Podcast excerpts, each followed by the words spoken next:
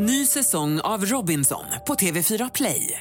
Hetta, storm, hunger. Det har hela tiden varit en kamp. Nu är det blod och tårar. Fan händer just nu. Det. är Detta är inte okej. Robinson 2024, nu fucking kör vi! Streama söndag på TV4 Play. Podplay. Viktigt meddelande till allmänheten.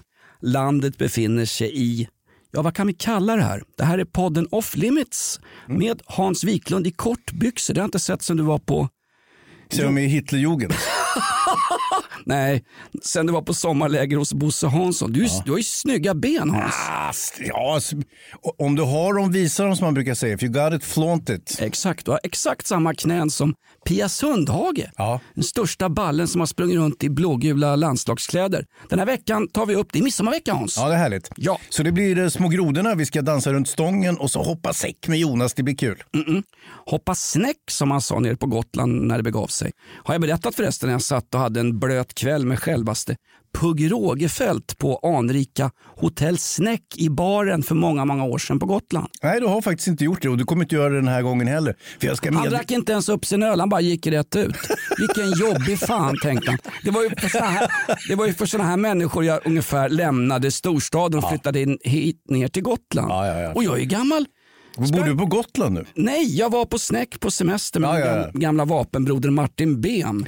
Eh, Och då träffade vi på Grågefält ja. eh, efter en spelning i baren på Snäck. Du Och, besvärade honom i god ordning. nej men jag sprang ju rätt fram och sa, är det Pugg, är det Dingalingalena? Ja. Han vände sig om och går ja, det var inte så konstigt. Vi har ju regeringskris också. Vi ska givetvis prata om Nooshi Dadgostar, den här självlysande superpolitiker som har flugit upp på himlen. Herregud, vilken kvinna! Ja, sa du regeringskris? Mm. Ja, eftersom det här är massmedia en podd så måste Göran Greider tycka till. Varsågod Göran. ganska häpnadsväckande. Det kompromiss man la fram här på Ja, men det där räcker, va? söndagen. Eh, där man faktiskt Ja, Göran Greider måste vara med så Jo, fort men nu har han varit med. Han är ju alltid med i oberoende Sveriges Radio och Sveriges Precis. Television. Dessutom ska vi prata om dubbelmördaren Leif Axmyr, Jokkmokks-Jocke och en hel del annat folk. va? Ja, och sen ska vi granska cykelsparkarna i svenska landslaget. Deras nya frisyrer. Ja, men den här, press, den här infamösa presskonferensen när man hade då hyrt in tre frisörer mitt under en pågående pandemi. Ja. Det är för fan bara att ringa till Jimmy Durmaz. Han är ju syrian. Alla syrianer kan ju, har ju en frisörutbildning. Ja, det är sant. Han, han är jäkligt snyggt skägg, Jimmy, och eh, också en elegant frisyr som komplement till den. Ja, verkligen. Inget näthat här inte. Nej.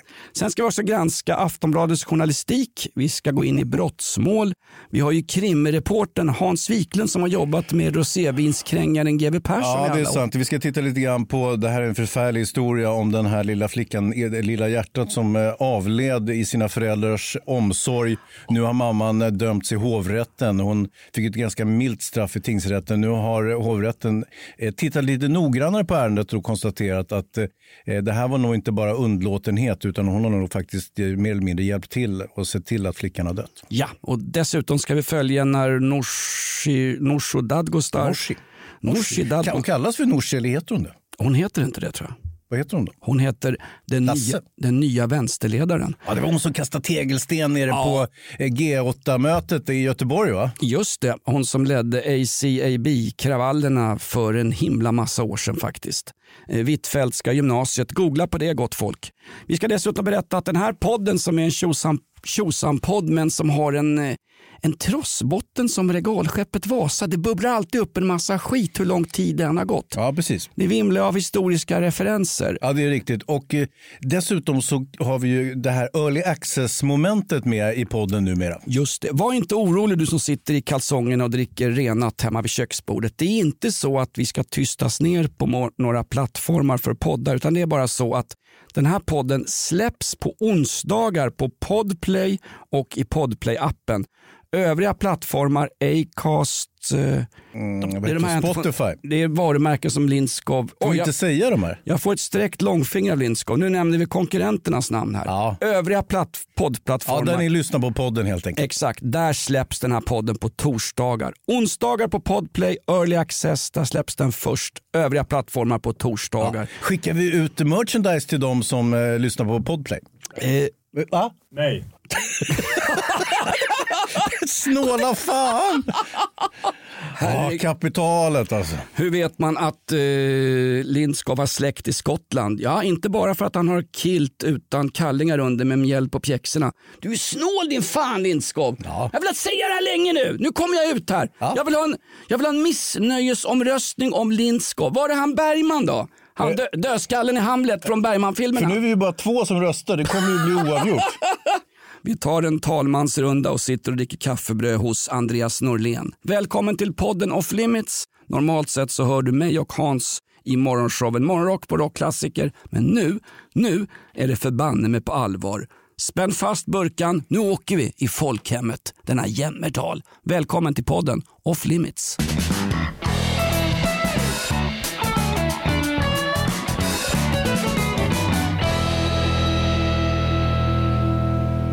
Det här är inget soundtrack från något gruppsexparty eller någon halvtaskig swingersfest. Satan, jag tappar grejer på golvet Hans. Plocka upp, det kan vara färska jordgubbar.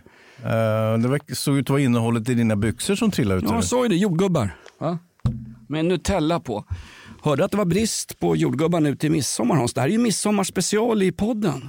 Mm, ja, det är det. Ja. Precis. Vi ska ju dansa kring stången och eh, ja, en del annat också. Va? Hoppa små grodorna, eh, hoppa säck mm. eh, och sen snurra med sådär roligt. Jag har satt upp en pinne här Jonas som vi ska snurra med pannan mot den här pinnen. Du, jag ser att den där pinnen är fästad på dina två ganska torftiga sviskon till testiklar Hans. Jag dansar inte en sekund med dig hörru. Får ringa Bosse Hansson.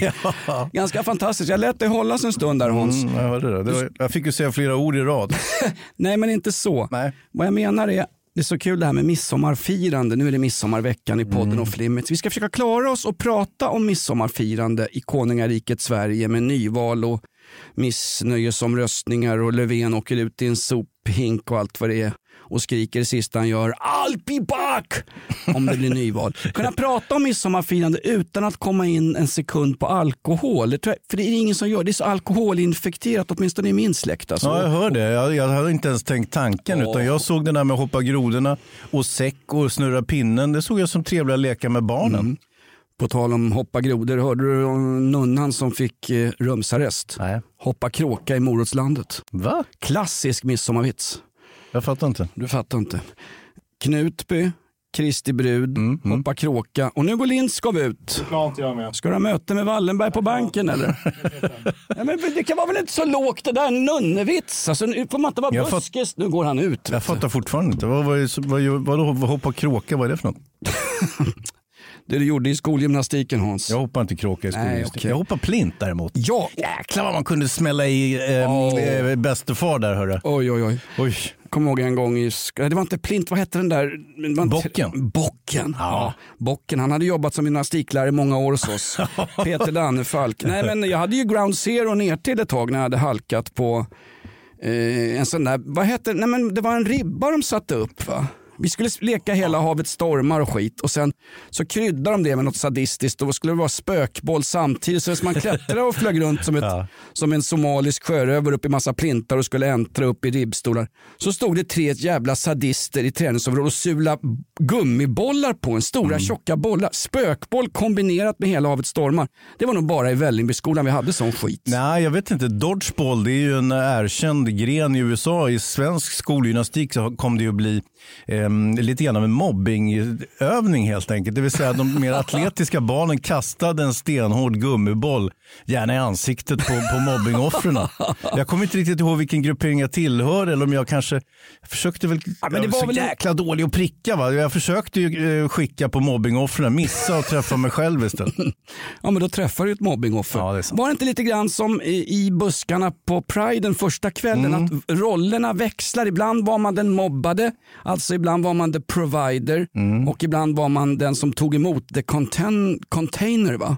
Container, kallar ja. de det för det? Spermacontainer. Nej, fy fan vad äckligt. Jag ska sluta prata om det där. står i entrén på Pride. Du måste, Hans, det här, ja. nu är det jämställt. Snart, Nej, ja, ja, snart det. är det lagstiftat med att gå på gayfestival. Ja, det... Prideparaden i år. Gud nåde dig om inte du går Prideparaden för då är du homofob. Det är som att inte gå ner och ta ett knä innan en fotbollsmatch i England. Då är mm. man rasism. Ta, ta, rasist. Tar du inte om du inte är taking the knee mm. så är du rasist. Det är därför England har sådana problem i fotbolls-EM. Harry Kane gör inga mål. Därför att deras eh, förbundskapten Gareth Southgate, Mm. han har mer show med att förklara för The Guardians liberala journalister varför de egentligen inte vill gå ner och ta ett knä.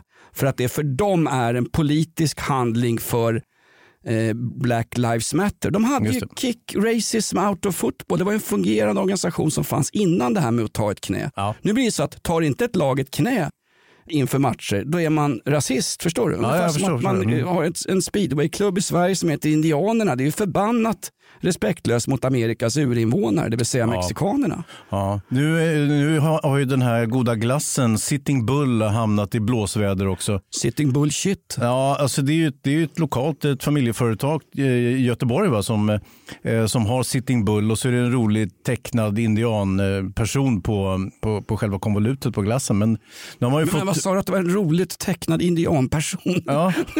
nu, går, nu går det som katten runt het sköte. Nej men alltså det var en indian eller en amerikansk urinvånare fast en tecknad figur så att säga. En, en, eh, ja, en, en lustig figur på glassen. Det, glass vänder sig till barn så man vill ju gärna ha lite barnsliga motiv. Du kan till exempel inte ha, du kan inte ha eh, Edvard Munchs skriet på en glass för det kommer ingen att att köpa så att säga. I synnerhet inte barn för de tycker bara att det ser läskigt ut. Nu vill man ha en glad rolig indian och så hette glassen Sitting Bull då, nämnd efter en legendarisk indianhövding. Eller förlåt, urinvånar... Uh, ah, indianhövding. Ja, kalla honom eh, en, en taktiker väl i klass med Sandy Woodward som le- ledde de brittiska styrkorna under Falklandskriget.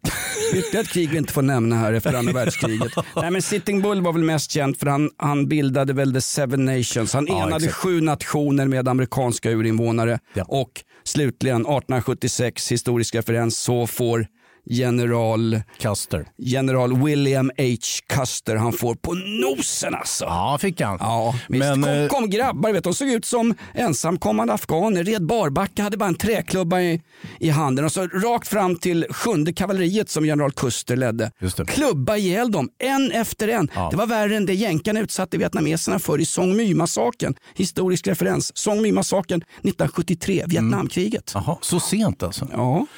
Ja, jag, visste, jag visste inte vad jag skulle säga Jonas, jag var tvungen att konta med någonting. Jaha, så sent? Som att jag hade en aning om när slagen under Vietnamkriget stod och, och vad de här konstiga orterna hette för någonting. Chong pong, pang bang, ding bong. ja, jag tar en sån fast ingen lök på den och så extra kokosmjölk. Ordnade.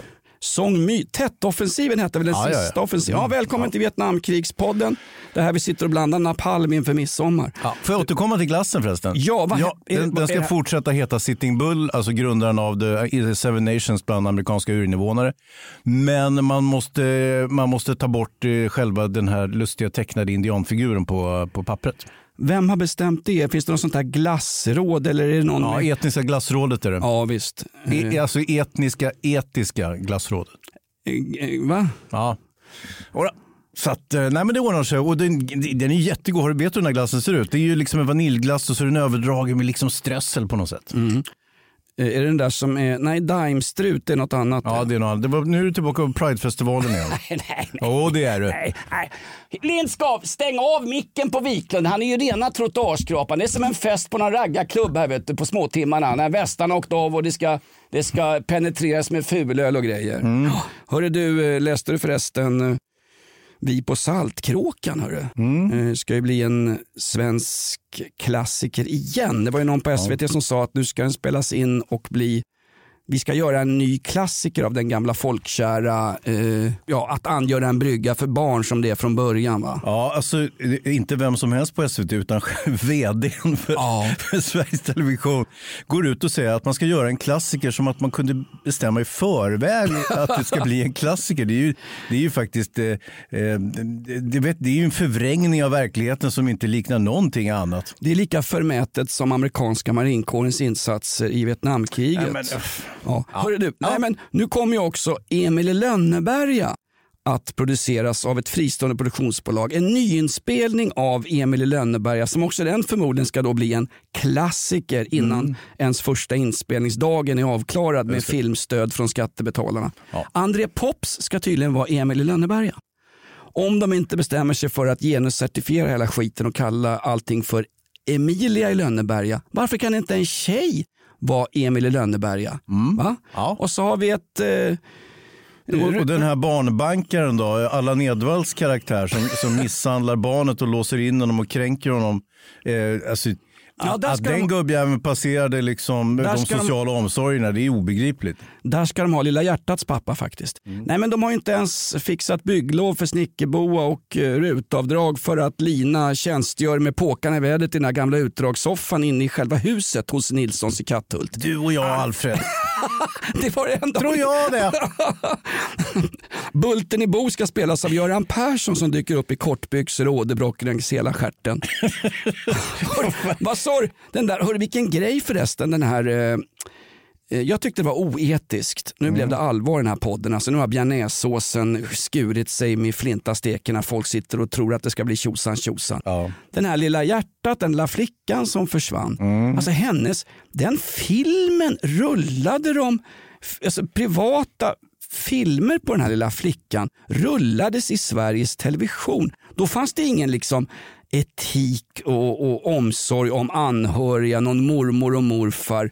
En, ett dött barn rullas i Sveriges Television. Det var ju ett satans liv på SVT när TV4 råkade ut för att en dansk fotbollsspelare fick hjärtfel i direktsändning. Och Lasse Granqvist sitter och harklar och torkar sig när man ser hans dödskamp på fotbollsplanen. Säger, kan vi möjligen gå till studion? Har vi inte något gammalt mattips med Paolo Roberto eller Spindel de Paolo slänga in istället?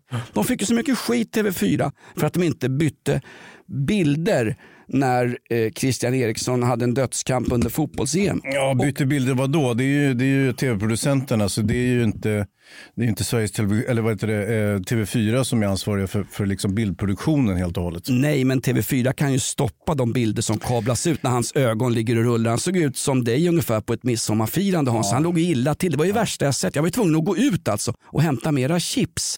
Det var oetiskt. Och- Och då var SVT igång och klagade på TV4. Så här gör man inte. Och någon ansvarig på SVT sa, ja så här blir det när man låter underhållare göra journalistiska arbeten. På Sveriges Television hade André Pops samlat ihop det och där fick vi, där vägledde vi de stackars lyssnarna. Det är ju en ständig von oben mentalitet på SVT.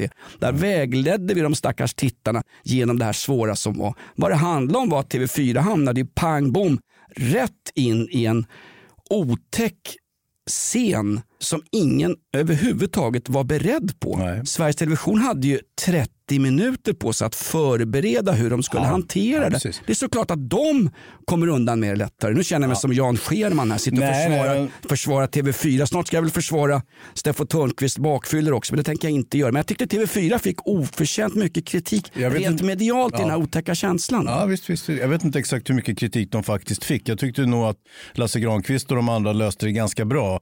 Eh, på, det, det är ju väldigt besvärligt när det händer saker i direktsändning. Eh, saker som har ett helt annat allvarlig karaktär än det man eh, från början skildrar. Det vill säga en fotbollsmatch som kanske inte egentligen är det viktigaste i hela världen. Det här är ett betalt samarbete med Villa Fönster. Du behöver lite mer tryck nu Jonas. Tryck! Villa Fönstersnack med Linnea Bali.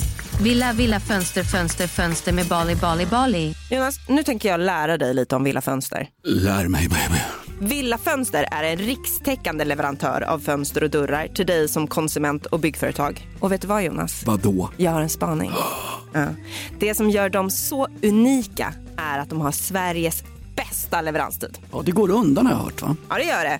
För man tänker kanske som konsument så här, åh nej, det här kommer ta så lång tid. Men inom tre veckor alltså så har du ett svenskt nyproducerat fönster som är redo för omgående avhämtning eller leverans. Oj, oj, oj, inom tre veckor.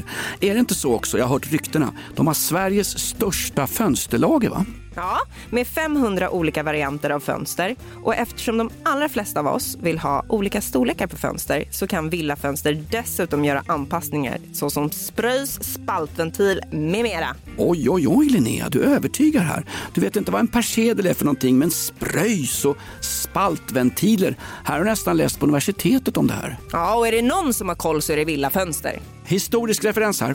Har du? Ja, alltid. Ända sedan 2008 så har Villa Fönster alltid haft visionen att erbjuda kvalitetsprodukter till rätt pris och kortast möjliga leveranstid. Ja, jag är nöjd Men vad då?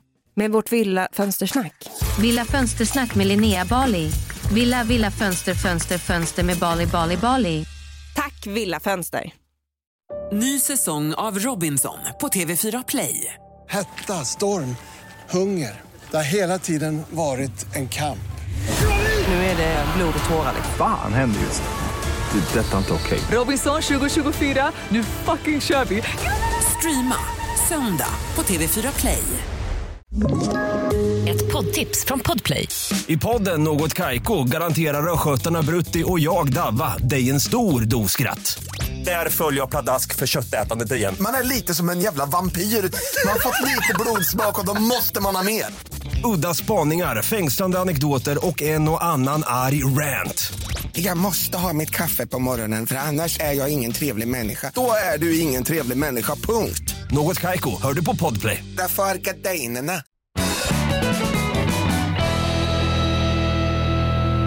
Den här funderingen utlöstes av det här brottmålet som handlar om det här lilla hjärtat, den här Esmeralda.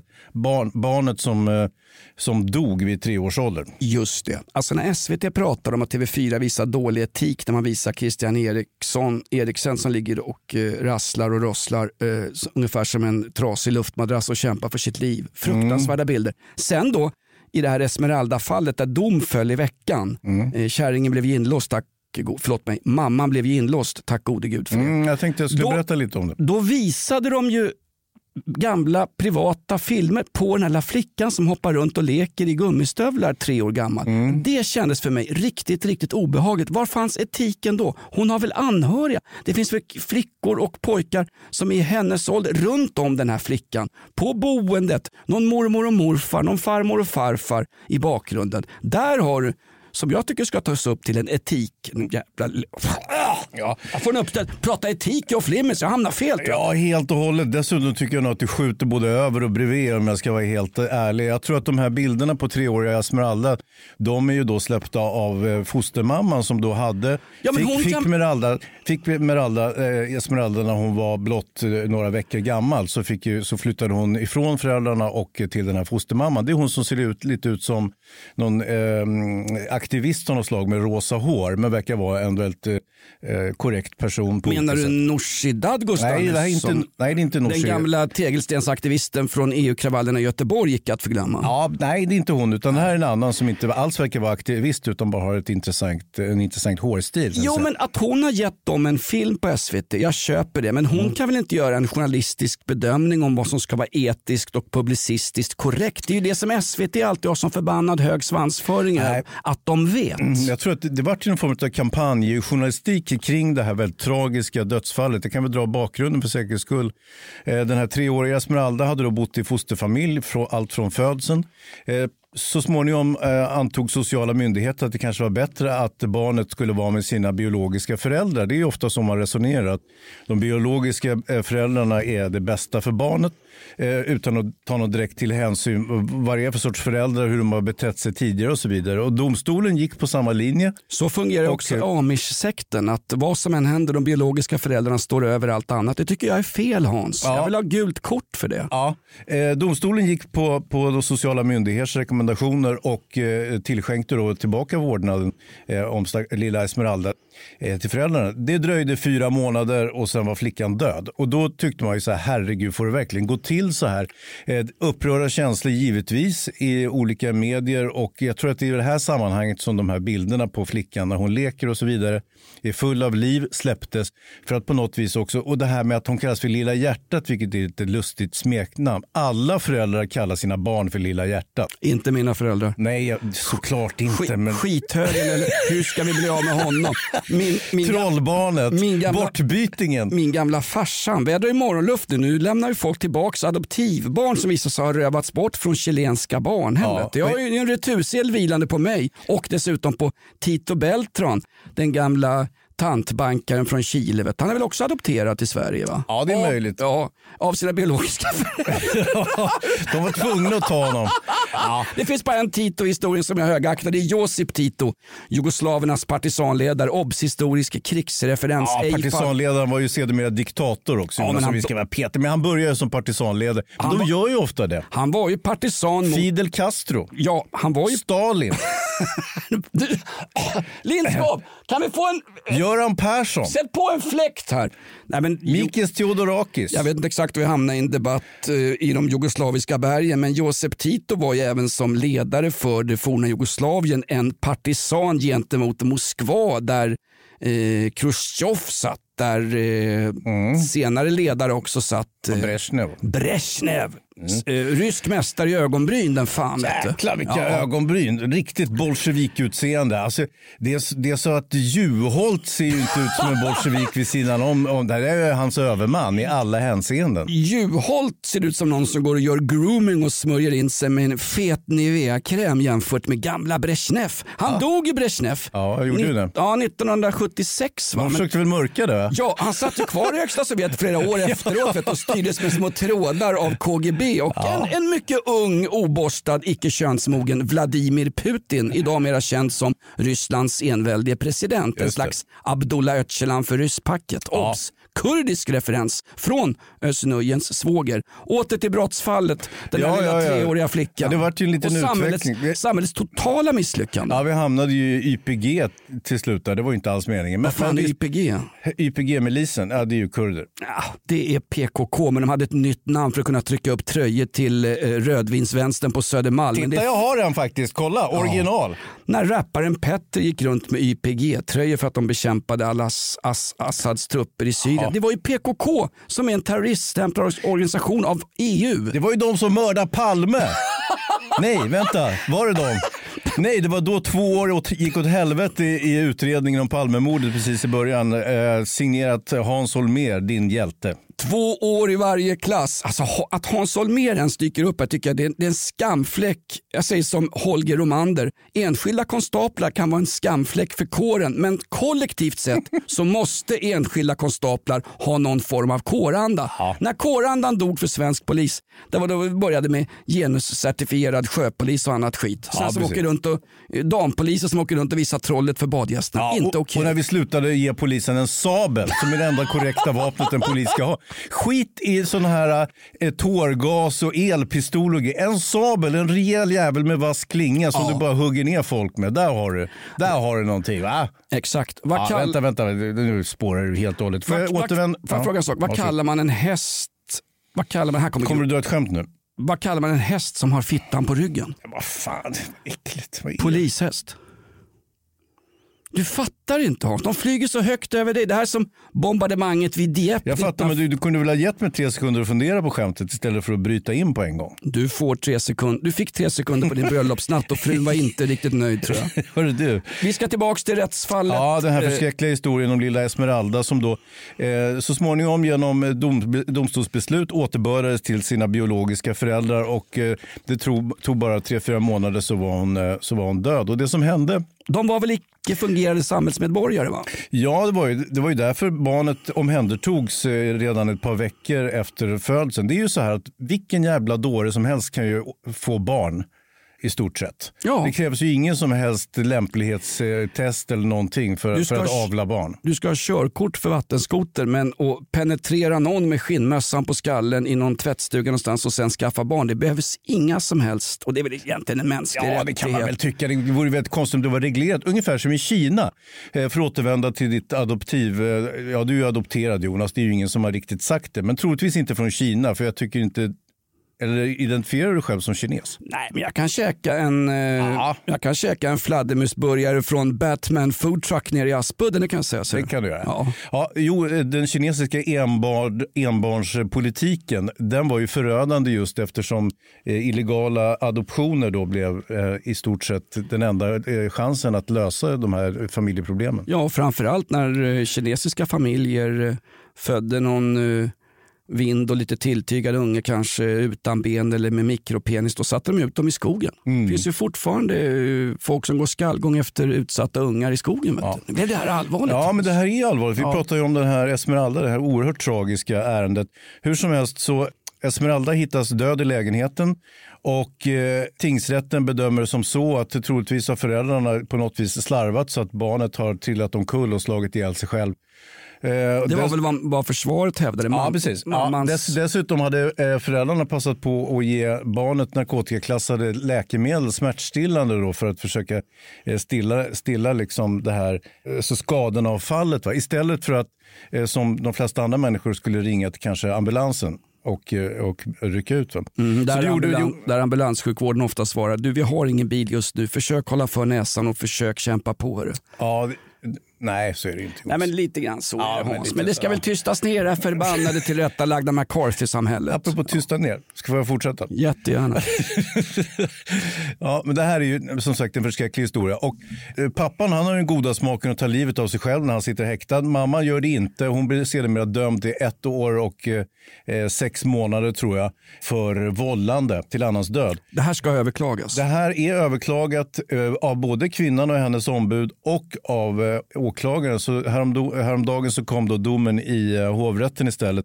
Nu var man inte lika, eh, tyckte inte lika synd om mamman längre utan dömde henne till åtta års fängelse för dråp istället. Oj, oj. Man anser ju då att hon har ju då brustit fundamentalt i sitt ansvar att skydda sitt barn. Istället för att ringa ambulans och försöka hjälpa sitt barn eh, så har hon eh, gett, självmedicinerat barnet och eh, med konsekvensen att, att den här stackars lilla flickan dog. Och det, det är ju väldigt tragiskt på alla händer egentligen. Och igen, bakgrunden här, det som du började tala om, det här med att filmen på Lilla hjärtat eller Esmeralda florerade i början. Och då tror jag som sagt att det var eh, styvmamman, fostermamman som hade möjligtvis bistått med de här filmerna. Och det, det stora sorgen det är att hon verkar vara en väldigt vettig person och om den här flickan bara hade fått vara kvar hos henne istället för att eh, eh den sociala omsorgen och domstolen då hade delat ut barnet till- till två jävla pundare som så småningom då gjorde så att flickan dog. Jag skriver under på allting du säger, herr, herr Oberstorman Fyri, för jag vill inte åka tåg söderut i Polen på 40-talet. Nej. Men min, kritik riktas enbart mot det oetiska av SVT att å, gång på gång rulla filmer på den här lilla lekande flickan när hon hoppar runt och plaskar i badvatten. vi kom- Alldeles oavsett om hennes jättevettiga eh, babelstyvmorsa har gett de bilderna. Det är SVT som har det publicistiska ansvaret. Jag tycker, det är, jag tycker det, är, det är nästan en eh, missnöjesomröstning eh, och en talmansrunda på det här. Jag tappar förtroendet mer och mer för Sveriges Television. Ja, men samtidigt, jag, jag vet inte, eh, kränker man den här mamman som nu har dömts till åtta års fängelse? Kränker man hennes eventuella släktingar? Eller är det kanske bättre att den här styvmamman som verkar ha gjort ett bra jobb i sammanhanget till skillnad från alla andra inblandade, så, så om hon då vill publicera eh, bilder på flickan och vill att folk ska se hur gullig hon var och hur, vilken fin person eh, hon kunde ha blivit om hon hade fått fortsätta leva så tycker jag inte vi kan ha någon invändning mot det. Jag tycker absolut vi kan ha en invändning mot Ja, det är klart vi kan. det. Eh, Nej, vi kan ha. Ja men liksom när La- Lamberts, den här, Ja. de där människorna, vi ska ju inte prata Jo, Lambert. Lambert, jag, jag har ändrat Nej, men mig där hon- Jonas. Jag vet att jag sa till dig förut att Den vi ska inte prata mer om Lambert, men jag har ändrat mig. Det är ju roligt med Lambert. Jag vill gå ut nu säger hon och berätta om vilken gris kladdkakan Lamberts är, bla bla bla. Hennes syn på saken. Mm. Hon blev mörkad i tv, hon fick sitt eh, eh, namn ändrat. Det var till och med en spökröst i början som läste upp vad hon hade sagt. Mm. Kom igen. Det här är precis samma sak. Där tar de sitt etiska publicistiska ansvar. Den tjejen har blivit hotad tydligen. Mm. Eh, mer hotad än Marcus Berg som missade öppet mål eller öppet läge i EM-fotbollen. Ja, jäklar vad han fick påskrivet. Ja, verkligen. Och det var ju bara en miss. Jag menar, alla fotbollsspelare missar. Det är ju det de gör. Ja, verkligen. Eh, om de Ska inte... vi förbjuda näthat, Jonas? Ja, läste? Hans, alltså det, det här är ju verksimmanent förståelse. Det är ju sån här som Carl Jung pratar om. Det är så övertydligt. Läste du i veckan Vi fem i Aftonbladet? Fantastiskt. Ja, jag läser fortfarande papperstidningen Aftonbladet. Den är så skön att torka sig med mellan skinkorna. Nej, det är lite raljant. Men, men du, vad, Vi fem, vi fem har en enkätfråga till massa Jo, jo, folk. jo, jo. Ja. I veckan hade man en fantastisk fråga. Ska vi förbjuda näthat? Frågetecken. Mm. Och folk svarar helt, helt följdriktigt. Regina Lund var en av kändisarna som fick svara. Ska vi förbjuda näthat? Ja, jag tror att vi gemensamt kan hjälpa till med att förbjuda näthat om vi bara sprider mera kärlek och glädje. Ja. Tack för ditt inlägg Regina Lund. Ska vi åter till verkligheten? Ja, fast det är lite svårt att be- besvara. Tänk om de hade frågat dig det där. Vad hade det då blivit för någonting? frågar- Hej, det är Aftonbladet. Är du Jo- är Jonas Nilsson? Ja, det är jag. Du, eh, ska vi förbjuda näthat? Vi gör en, en liten enkät. Vad säger du? Skit i det. Vad kostar jordgubbarna till midsommar? Det går ju inte att svara på en sån fråga. Det är som att säga, ska vi förbjuda hat i samhället? Ja, det tycker jag går för långt. näthat tycker jag vi kan. Vi inskränker oss till att förbjuda näthat och så, och så tillåter vi vanligt hedligt hat bara. Ja, exakt. Ja, men det är som att säga, liksom, nu vill inte vänstern ha då vad de kallar marknadshyror. Nu sätter vi ner foten. Det här är inte okej. Nu är vi ingen dörrmatta längre. Jonas Sjöstedt som stack iväg till Vietnam med 17 miljoner extra i Sida-pengar till den vietnamesiska regeringen. Jo tack, det var en fin födelsedagspresent. Det var vi skattebetalare som betalar det här. Googla skiten. Ja, men såg du när han hå, hånade Ja, alltså- Folkpartiet Liberalerna? Han satt och drack en bärs i Ja. värmen i, i, i Vietkongland och så, och så säger han så här, titta det är nere på Folkpartinivå här, 3,5. det var ju kul ju. Sjöstedt är ju festligt. Folkpartiet Liberalerna eh, som nu är nere på så låga eh, SIFO-siffror så att det är inom felmarginalen. Hon är nere på 2,4. Det skulle kunna vara noll också. Ja, det kan det inom felmarginalen. Nyamko Sabuni. Gissa om hon har bruna fläckar i trosorna när hon vaknar av nervositet. Hon måste ju Mm. skita på sig. Blir det extraval nu efter det att Löfven har gått runt och köpt kaffebröd till talmansrunder åt han Norlén? Mm. Eh, Knickedockan som kallas för svensk talman i riksdagen. Ja, men han är ju, han är ju cool. Jag, jag gillar honom. Jag gillar särlingar. Ja, han är en väldig specialare. Är det där riktigt hår? Han ser lite ut som en blandning av Jokkmokks-Jokke och den gamla bajonettmördaren Leif Axmyr i håret. Du vet att Leif Axmyr var... Men stopp, jag måste hämta mig Ja. efter den kombon bara. Jo, jo. Vad sa du? Leif Jok- Ack- jo, men- Jokkmokks-Jokke som inte ens var tvättäkta same. Nej, han, Han var ju- han, var ju appropri- vad heter han? approprierad ju. Han gick ju runt i, i lappmössa och skit. Han var ju Gällivares egen sitting bullshit. Han var ju bluff. Han var ju etnisk svensk, den Är satans vi säkra på det förresten? Eller baktalar vi honom nu? Det här kan vara förtal av avliden. Han är ju inte med oss längre. Okej. Och det är inte Leif Axmyr heller tråkigt nog, eller inte tråkigt nog, men lika bra var det. Men grejen var, han dömdes ju till livstidsfängelse på den tiden man inte dömde folk till livstidsfängelse. Han satt ju då i det 34 år innan han kom ut. Eh, Han levde ett år och sen... Vem? eh, Jokkmokks-Jokke? Nej, Leif Axmyr för tusan. Ja. Men en- han är ju likasinnad med håret. Jag träffade ju Axmyr nere på Katrineholmsanstalten. Sveriges äldsta som har suttit på livstid va? Nej, nej, nej. Det, finns, det, finns, det är en gubbe som är över 90 år som sitter på livstid för mord. Han begick ett mord, kom ut, slog ihjäl grannen och åkte in igen. Är det han Ankarström? Eller? Nej, det är inte Ankarström. Det här är, det är en, Men Leif Axmyr, världens han, sämsta granne. han pratar ju ut i Hemmets Journal som farsan fortfarande prenumererar på. Han, är, han vet inte hur man stänger av prenumerationen sen mamma gick bort så att den ramlar ner fortfarande. Där var ju Leif Axmyr i någon slags kändisreportage. Han virkade grytlappar, gjorde sin gräddstuvade pytt. och Nej, det här var nog Jokkmokks-Jokke faktiskt. Jaha, är det samma Ja, eller? men nej, det är inte samma. Det är, Var det är det- två helt olika personer men samma hår. Som också Andreas Norlén, talmannen, nu har tagit över. Var det inte Jokkmokks-Jokke som är Gulligullan, koko som en gök?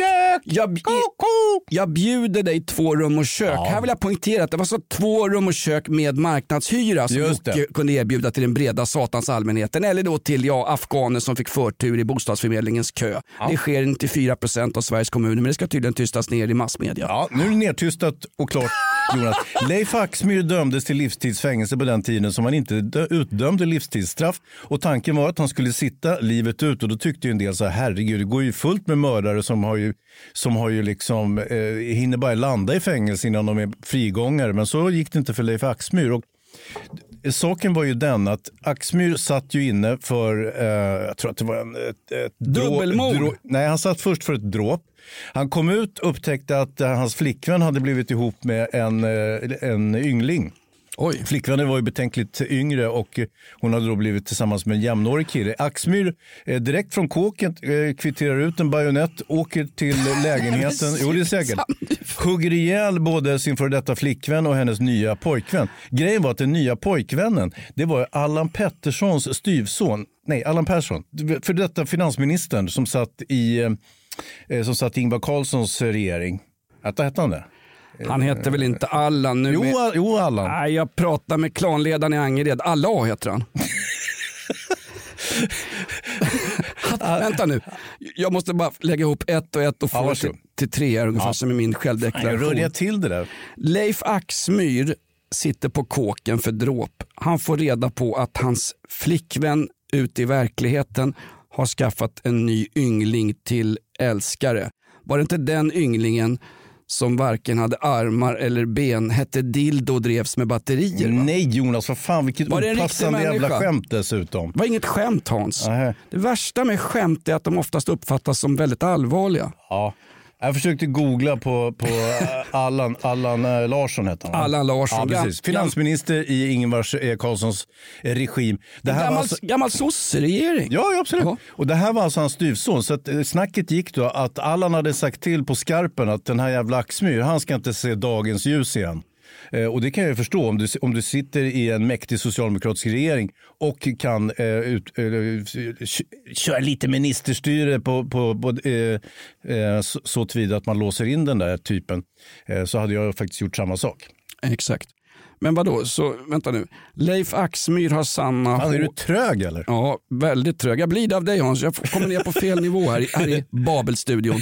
Leif Axmyr har samma hår och frisyr som den gamla eh, kulturappropriatören Jokkmokks-Jokke som hade några singlar på Svensktoppen 1973 till 1979. Alltså tre år före Falklandskriget bröt ut. Exakt. Och nu har båda de här perukerna då kombinerats i en peruk som ägs av eh, riksdagens talman och numera vår store ledare. va? Ja, han är ju Andreas Norlén. Fantastiskt trevlig kille som träffade, han kom ut ganska snabbt med faktiskt att han träffade sin nuvarande fru via en klassisk kontaktannons. Nej, Jaha. inte Tinder, Grindr, Grindr eller Blindher, utan en gammaldags Jaha, kontaktannons. en sådär eh, 30-årig killgrabb söker eh, för eh, skogspromenader. Ja, Ja, vidare. så här står det. Jaha, du har den där ja.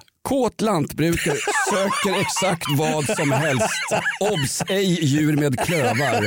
Nej, men kontaktannonser som finns Ja, ja, fortfarande. visst, visst. Herre, eh, herre söker ungdomlig kvinna för Ja, bekantskap. tjejkvinna. Det var ju så jag träffade Mikaela då som är ett par decennier yngre än mig. Så du hade satt in den i Hemmets Journal, det vill säga den där magasinet som, som din mamma prenumererade på och som sen ärvdes till, av din Ja, pappa. farsan vet inte hur man säger upp prenumerationen. Vet någon hur man säger upp prenumerationen på Hemmets Journal? Man gör det tydligen digitalt. Det känns ju jävligt schysst också mot Hemmets Journals prenumeranter som ingen understiger f- föd- 95 år. födelseår Nej. 1910. Liksom. Nej, Ja. det är tjabbigt av det. Men, 1910 förresten, årsdagen av kriget i Manchuriet. Nu pratar vi historiska referenser. Ja, eller om vi ska nämna kanske 1914, den första regeringskrisen faktiskt i Sverige. Det var ju på den tiden som vi inte hade allmän rösträtt.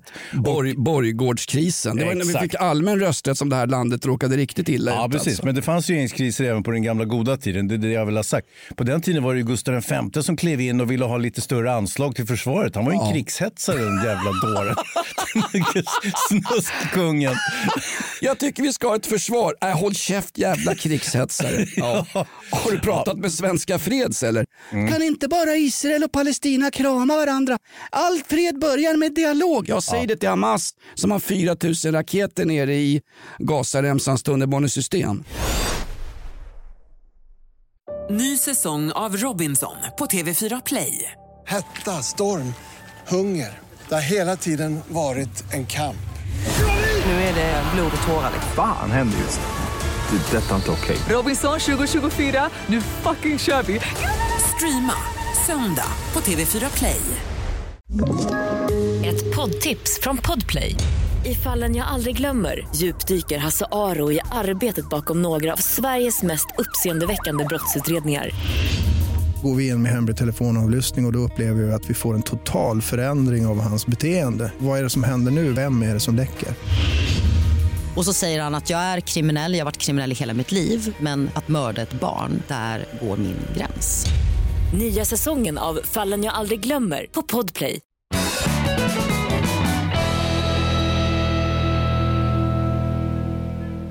Jonas, du som politisk expertkommentator, får jag ställa frågan, är vi illa ute? Vi är ju i en regeringskris.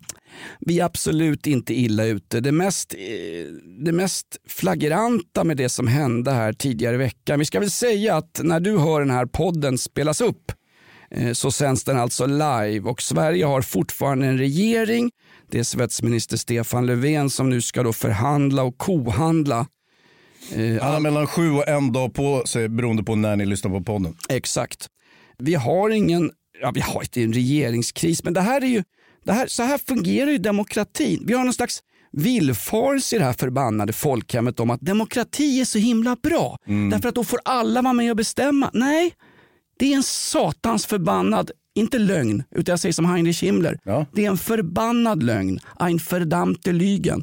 Demokrati är majoritetsbeslut. Det demokratiska systemet funkar så att vi bestämmer att den stora massan ska bestämma över den lilla massan. Sen kan ju Annie Lööf sitta och kohandla Eller som i Sverige, att hälften av massan jävlas med den andra hälften. Ja men det är ju faktiskt så. Demokrati är det minst dåliga styrelseskicket vi har hittat på här sen vi slog ihjäl varandra med påkar i Cromagnon-grottor och jagar skiten ur den gamla fikusen Bockstensmannen på någon Vi vet inte huruvida han var fikus eller inte. kan man inte få anta saker? Jag antar att den här De har ju regeringskrisen... bytt hårfärg på Bockstensmannen, hörde du Ja, det? han har ju fått Andreas Norlén, talmannens gamla peruk.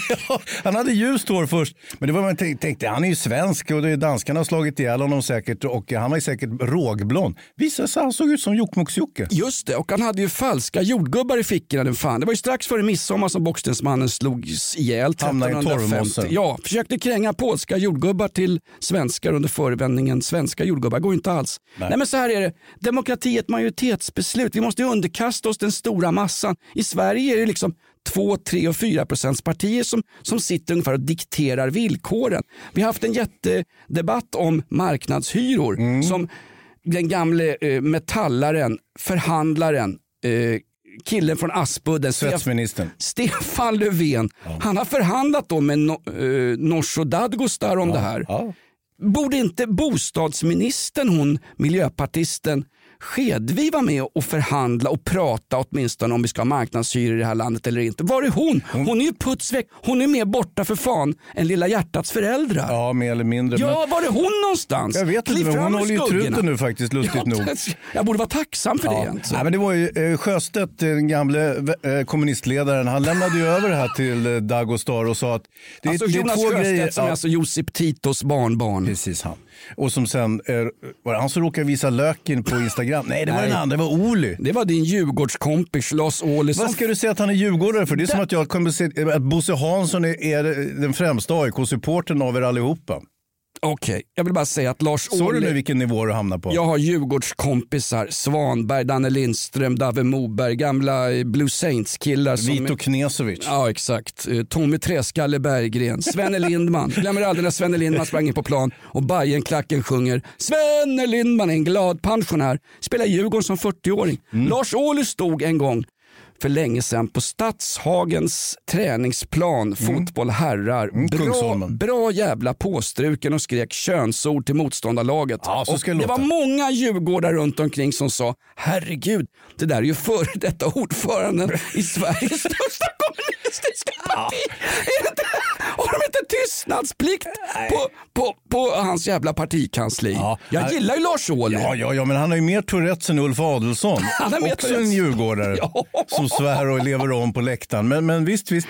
Eh, eh, ja, som sagt, på den tiden man kunde svära på läktaren var det ju bättre. Nu har det ju liksom spårat ur när folk svär på Instagram istället och hånar och hatar. Det ser ju så otrevligt ut när man ser det i text, eller hur Jonas? Tänk om någon hade skrivit upp allt och hade stått där på Råsunda och skrikit. Jag tror att det är uppskrivet någonstans. Det kallas för det gamla testamentet eller Lukas evangeliet. Ja, säkert. Googla inte skiten. Nej, gör inte det. Det är faktiskt synd om moderna fotbollsspelare. Ta en sån kille som Victor Nilsson Lindelöf. Mm. Va? Som under en presskonferens får frågan Hur är det? Saknar dina barn så här under EM? oh, alltså, alltså någonstans. Han har varit borta från sina barn en vecka och sitter och gråter på en presskonferens. Är det bara jag som vill ha tillbaka de gamla mansidealen John Wayne? Exakt. Börjar man böla så är man en satans sissy. På riktigt. Alltså, vet han egentligen vad, vad verkligt lidande är? Jag hade verkligt lidande när mina ungar växte upp. Jag grät när de var hemma. Jag vet. För guds skull. De fortsätter höra av sig till mig de jävlarna. Och jag ska swisha dem pengar. Ja, och det är inte ens dina. Nej men någonstans, det här med att... Tack vet jag, Nacka Skoglund, han såg inte sina unga på 45 år. Han visste inte ens att de fanns Nacka. Nej. Glöm inte Nacka spelade allsvensk fotboll för AIK. Den, eh, Han gjorde faktiskt det. Ja, det gjorde Fast han tillskrivs som en Hammarbyare. Ja, han är ju en Hammarby-ikon absolut. Ja. På samma sätt som eh, Nebojsa Novakovic i AIK, en AIK-legend vars fru jag bjudit på en apelsinjuice en gång på AIKs eh, pub Dick Turpin. Han är också spelat i Djurgården. Så vi är alla, vi är alla samma Eller andas Ted barn. Sheringham. Men någonstans när jag ser Victor Nilsson Lindelöf, han gråter för att han varit utan sina ungar. Då Mm. Det när är han ju ganska fint ändå. Nej men alltså någonstans är, allt, är det alltid fint att visa exakt vad man känner. Är det inte, vad, vad händer med de gamla manlighetsidealen? Här är jag, jag har en uppgift och det andra får vänta lite. Tror du satt i landstigningsbåtar vid Normandie och tänkte åh vad jobbigt. Då? Är det könsneutrala bomber vi får på oss? Någonstans, ka- kan man inte bara någonstans säga Sluta böla! Ja, Gör som- ditt förbannade jobb! Eh, Vad är- vad är det det- är som Stefan Löfven skulle börja grina nu när Nooshi Dadgostar sätter åt. Grejen var så här, Stefan Löfven, eftersom han tillhör den gamla manliga gardet som håller käften, biter ihop och tycker att kärringar ska stå i köket. De, eh, de har ju underskattat Nooshi Dadgostar. De trodde hon var någon jävla brud bara, någon kortväxt tjej som, som eh, stod och jappa. Klipp till, hon sänker hela jävla regeringen med, med man och allt och, och, och de fattar ingenting. Det här, det här, vi som gillar politik Jonas, vi tycker också att det är lite festligt med den här regeringskrisen. Alltså, när man Jag får se det parlamentariska systemet spinna som en, en karusell. Jag gillar politik men jag kan ju för den skullen vara emot demokrati. va? Jag är ju emot allas lika värde, absolut. fasen. jag är som Ali Klan och de 40 gängkriminella ute i Angered. Va? Vi står över där på något sätt. Ja. Hörru du, nej men jag säger, jag, det låter som att jag raljerar men jag menar allvar. Måste man alltid känna efter hela tiden om hur man mår? Va? Vi har ju... Vi har ju alkohol, lugnande. Nej, men någonstans, ju mer du går och tänker efter hur du känner och mår, ju sämre mår du. Fråga mig, jag har slängt ut 40 000 spänn på att gå till han, min terapeut som jag inte får... Vad heter han? Uh, Jag får inte nämna, på riktigt Hans, får inte nämna hans Men namn. du har ju sagt hans namn tusen miljoner gånger. Om jag hade minne så skulle jag komma ihåg vad han hette. Okej. Min terapeut och den enda terapeut som jag litar på det är en person som jag inte får nämna vid namn och det är du Jonas Lindskog. Demonproducenten och en av Wallenberg och Investors dollar. Lindskov kan inte vara terapeut, han hatar ju människor. Det är just det som, gjorde honom, just det som gör honom så perfekt lämpad för rollen. Absolut. Eh, när jag växte upp hade jag Malena Ivarsson och sköna Fräcka Fredag som terapeut. Och sen, eh, Vad hette de där juggarna som alltid var med henne? Tito var den ena va? Var det? Mm-mm. Och sen eh, Borsa Novakovic var den andra. Hörru, vi ska bara gå ut på det här. Vi ska alldeles strax bara, jag ska bara köra en liten stump som jag har lovat en person. Vi har ju kört för mycket svensk outlaw country med män Hans. Mm, det är sant. Det är en person som har mejlat mig på jonas.rockklassiker.se. Normalt sett så är Ja, du använder din arbetsmail ja, till den här pajaskonsten. Varför har vi inga egna mejladresser Lindskov? Kostar pengar. Kostar pengar va? Jag kan ju inte ens mejla folk när de har missat öppet mål i något fotbolls-EM. Ingen räknas längre. Vi ska spela en stump med en tjej faktiskt. Outlaw country med tjejer. Det här är viktigt.